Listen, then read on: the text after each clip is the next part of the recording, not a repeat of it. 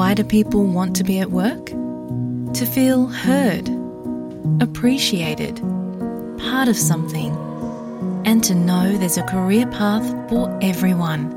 Inclusive workplaces are linked to increased innovation, productivity, and employee satisfaction. Make your organisation a place where people want to be. For inclusion and diversity training, visit inclusion program.com.au. This is an SBS radio podcast. Settlement Guide information, issues, and stories about living in Australia.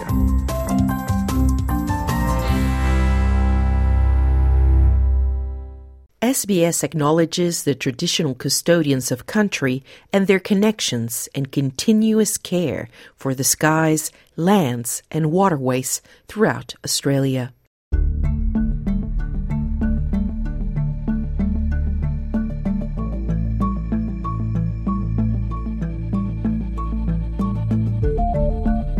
Hi there. G'day, and welcome to this episode of The Settlement Guide, a series where we help you navigate life in Australia. Whether you arrived today, have been living here for years, whether you were born in Australia, or you're planning to move here shortly, this series is for you. My name is Claudiana Blanco, and I came to live in Sydney more than a decade ago, and I'm still learning about life down under every day. Today, we will explore how to identify if a loved one has developed alcohol dependence and how to help them. Alcohol plays a central role in many people's lives in Australia, but people with alcohol use disorders drink to excess, endangering both themselves and possibly others. Alcoholism can ruin lives. There's no two ways about it. Um, it doesn't end well for most people. If somebody knows they've got a problem with alcohol at an early stage and they do something about it, then that's the best possible scenario. But it's unfortunately a progressive disease. Every time an alcoholic picks up a drink, it gets worse. Let's get started. According to recently published data from the Australian Bureau of Statistics, one in four people aged 18 years and over exceeded the alcohol consumption guideline of 10 standard drinks per week between 2020 and 2021.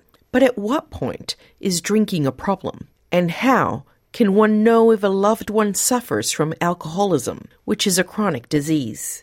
Helen Gillies is the CEO at Al Anon Family Groups Australia, a network that supports families and friends of alcoholics.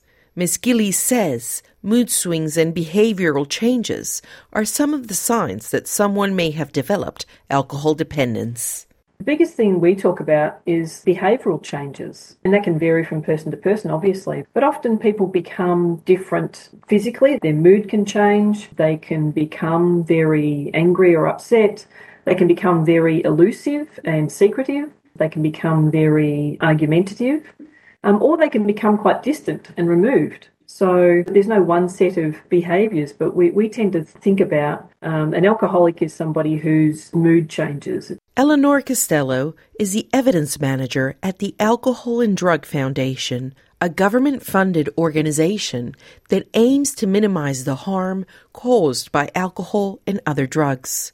She says low energy and little appetite may be other physical signs. You might notice their energy levels are different and they don't engage the same way. Engagement in things like work or school that it may have been really important before might change. Where it might not be going so well, they might be you know, calling sick on Mondays. Ms. Gillies says it's not always easy to identify if someone has a drinking problem, as they may still be able to work and live a seemingly ordinary life.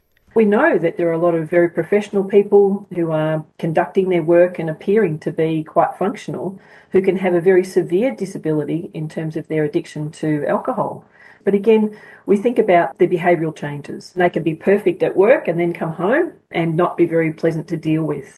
Alcoholism is a disease which develops from long term use. It advances through five stages. It starts with occasional abuse and binge drinking, followed by increased and problematic drinking, and progresses to alcohol dependence and addiction. Alcohol dependence means that the attachment takes over a person's routine. Despite being aware of the adverse effects of drinking, the person can no longer control their intake. Other indicators include tolerance to drinking and withdrawal symptoms. Addiction is the final stage of alcoholism. At this stage, drinking is not just for pleasure, it responds to a physical and psychological need. If you believe your loved one has a problem, the first step is to talk to them about it they might not want to talk about it, but being able to reach out and make sure they know how much you care about them. And that just general check ins and making sure they know you're there for them, that you care, that you're there to talk about anything that might be going on in their lives. Make them feel like they're cared for, feel like they can trust the people around them. They're much more likely to open up. Before raising the issue, it's important friends and family get professional guidance, Ms. Costello explains. First thing I'd do before you perhaps engage with your loved one is to seek help for yourself. There is a lot of help and guidance around how to approach this. We do have a lot of resources that are translated as well that can guide people through signs to recognize what do I do? What are the questions I ask? How not to get anxious myself about it and the first reaction is because you know your heart rate increases you get anxious yourself you all these emotions come to play because you care so much about this person for some people, drinking excessively increases the likelihood of them becoming highly emotional, angry, or aggressive. Ms. Costello says if any family member is at risk, it's important to ensure their safety first. If it's a situation where there's a potential for domestic violence or any other sort of aggression, first thing to do is remove yourself from the situation if you can. And if you're in immediate danger, always call triple zero. Stigma can be a barrier. I don't want to call the police or, or ambulance people because of the stigma. So I don't want them to know something's going on. But they are generally there to care for you first and foremost. Ms. Gillies says it's a good idea to keep your car keys and wallet ready in case the situation escalates. It's not acceptable to have somebody else in your life who's aggressive or violent, and we would suggest that anybody does whatever they need to do to keep themselves safe. And understanding that if this person is in denial and they don't want to accept that uh, they have a problem, they will turn to all sorts of things to try and keep the focus away from themselves. So often they'll then point the finger and say, it's because the house isn't clean enough, it's because you spend too much money, it's because you're XYZ. None of that's really relevant. All they're doing is deflecting the attention from themselves. And getting aggressive can be one of those things that can put the person off trying to deal with the real issues. Seeing a loved one change due to excessive alcohol consumption can be extremely painful and confusing. Ms. Costello explains that drinking excessively for a prolonged period can alter the brain's chemistry and hamper its development in young people. When you're consuming a toxin, obviously it affects the brain. It will affect things like your ability to moderate mood. Then, the more you use, it can make you feel sort of sad because it is a depressant, it can cause depression. It also puts a lot of strain on your body. It actually raises your heart rate. Alcoholism is a progressive disease, so it worsens if not addressed. Miss Gillies again. Alcoholism can ruin lives. There's no two ways about it. Um, it doesn't end well for most people. If somebody knows they've got a problem with alcohol at an early stage and they do something about it, then that's the best possible scenario. But it's unfortunately a progressive disease. Every time an alcoholic picks up a drink, it gets worse. The situation, the behaviours, the outcome's not going to get better. That they'll start having blackouts, that they'll start having behavioural changes, they'll start having trouble at work, they'll start having trouble with money, they'll start having trouble with their relationships. So it's a cyclic kind of disease and going downwards. And the families can be brought into that as well. Seeking support during the early stages of problem drinking could help the outcome.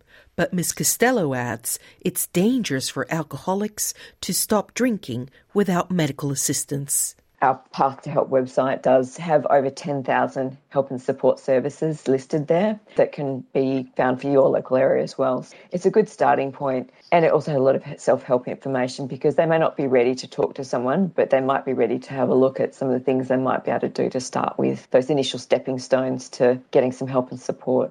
Ms. Gillies says it's important for families to seek professional help for themselves too. Doing so may also encourage the addict pursue treatment. You can't change that person from making the choices that they're going to make, but the families can make choices. And it can be really hard. I think one of the hardest things we ever have to do is see people we care about be in pain. But we have to look after ourselves and we have to make decisions about what's right for ourselves. and hope that that other person gets recovery.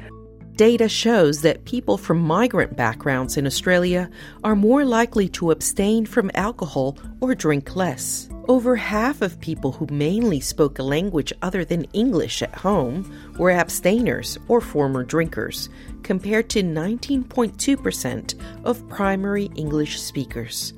Help is available in several languages on the Alcohol and Drug Foundation website. Thank you for listening to this episode of The Settlement Guide, written and produced by Chiara Pazzano and hosted by me, Claudiana Blanco. The Settlement Guide managing editor is Rosa Germian. Until next time.